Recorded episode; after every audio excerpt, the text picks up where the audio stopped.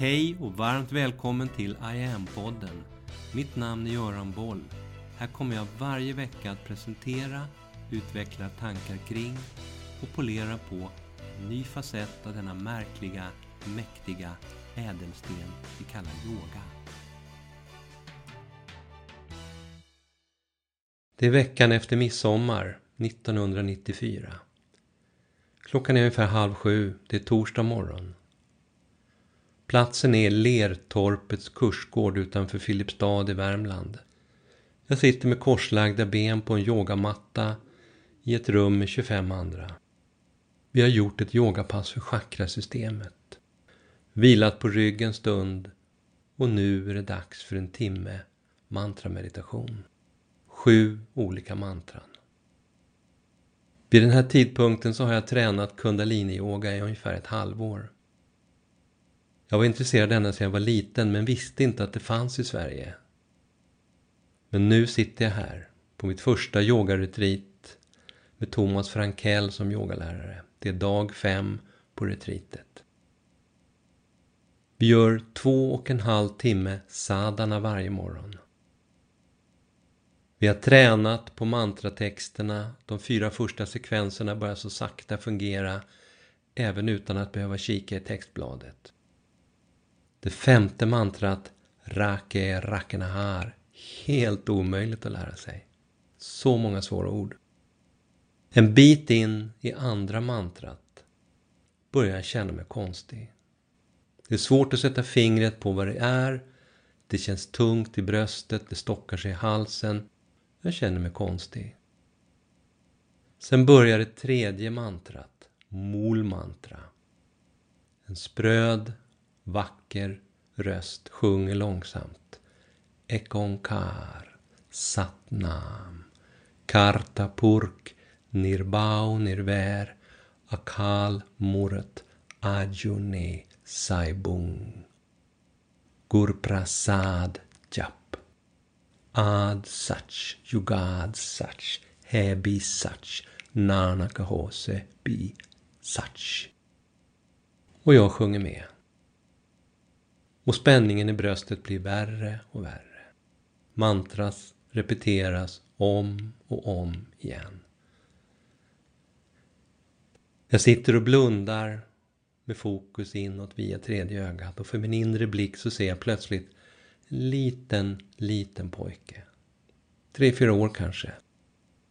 Som mjukt lägger sin lilla hand mot min bröstkorg. Precis i höjd med hjärtat. Jag känner beröringen fysiskt. Den lilla pojken ler ett milt, glatt leende och viskar med ljus barnröst och glittrande ögon. Jag är här nu. Och så sprängs min bröstkorg.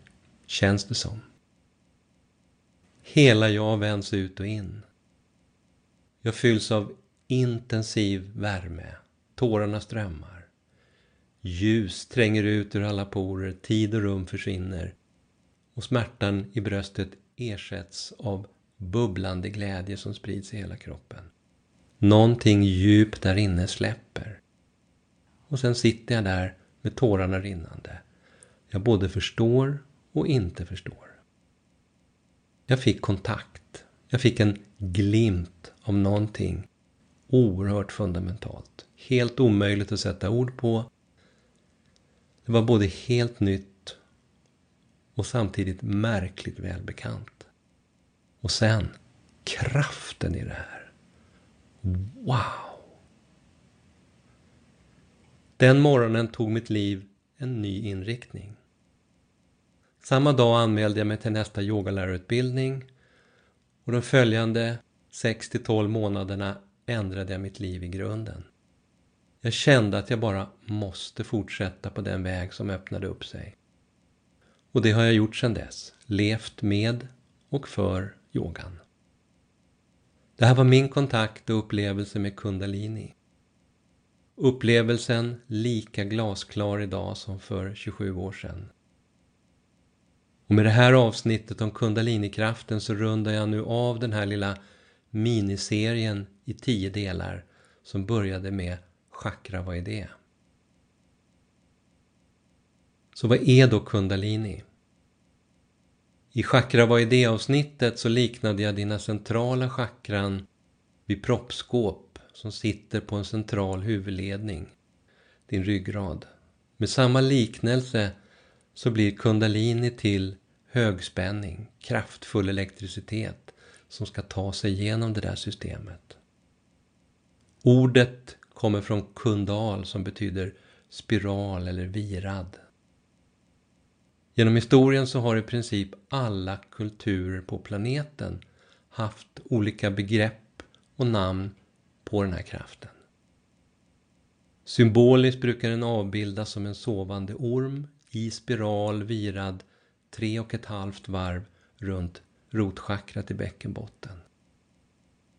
Det har sagts att rent fysiskt i kroppen så finns den här kraften vilande inuti korsbenet, sakrum, längst ner i ryggraden. Och ormsymbolen den kommer igen överallt, genom historien.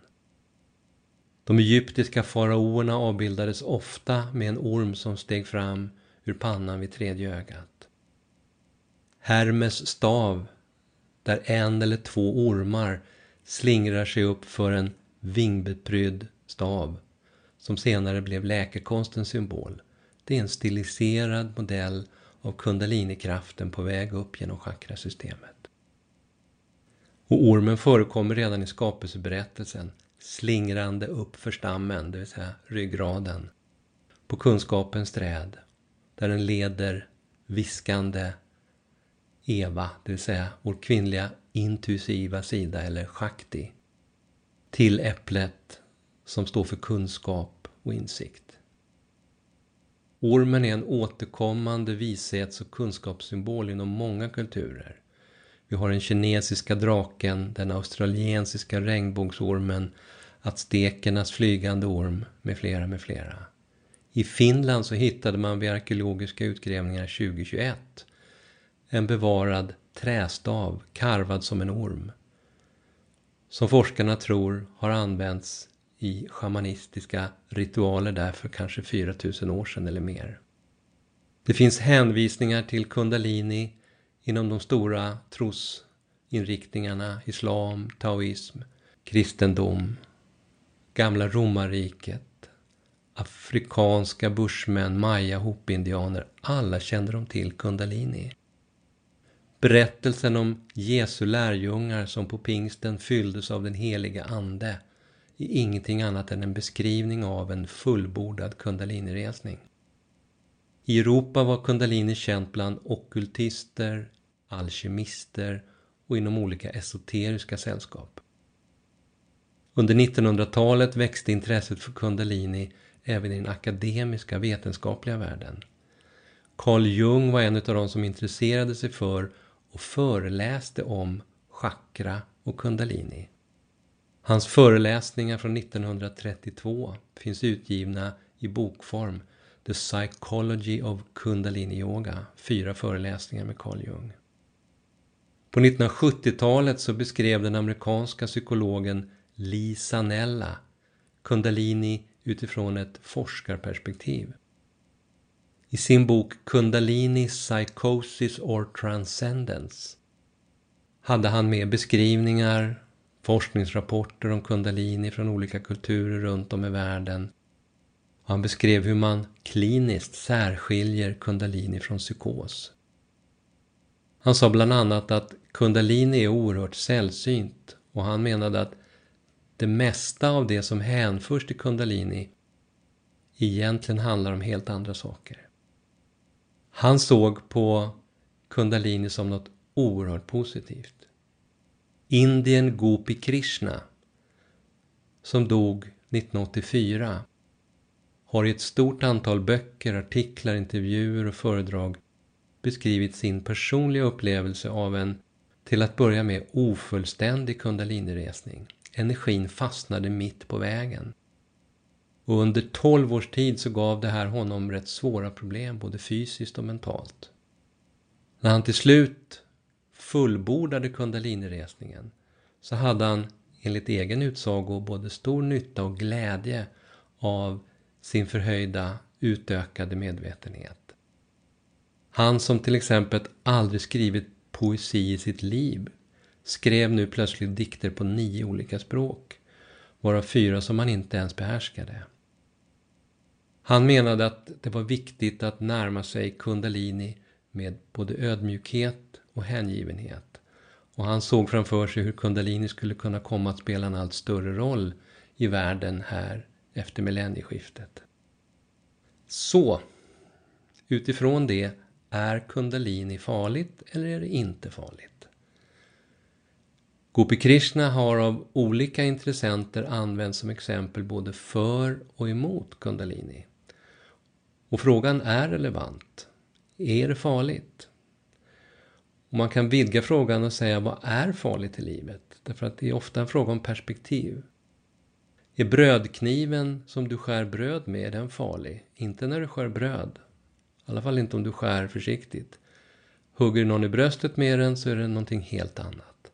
Pengar, är det farligt? Det beror på vad du använder dem till. Medvetenhet, är det farligt? Som med de här och alla andra exempel så är det en fråga om hur man använder verktygen. Yogan säger till exempel att det enda farliga med en person som på rätt sätt rest sin kundalini, det är att hon blir så medveten att det inte går att lura henne längre. Och det kan ju vara jobbigt för somliga. Så länge du praktiserar yoga i enlighet med givna instruktioner så är det inte farligt. Målet är att utveckla din fulla potential som människa.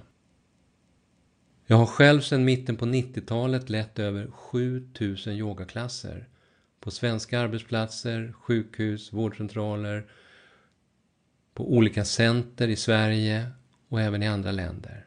Europa, USA, Indien. Fram till idag har inte en enda av de mer än 50 000 personer som det handlar om, bortsett från möjligen en och annan muskelsträckning, farit illa av sin yogaträning. Tvärtom.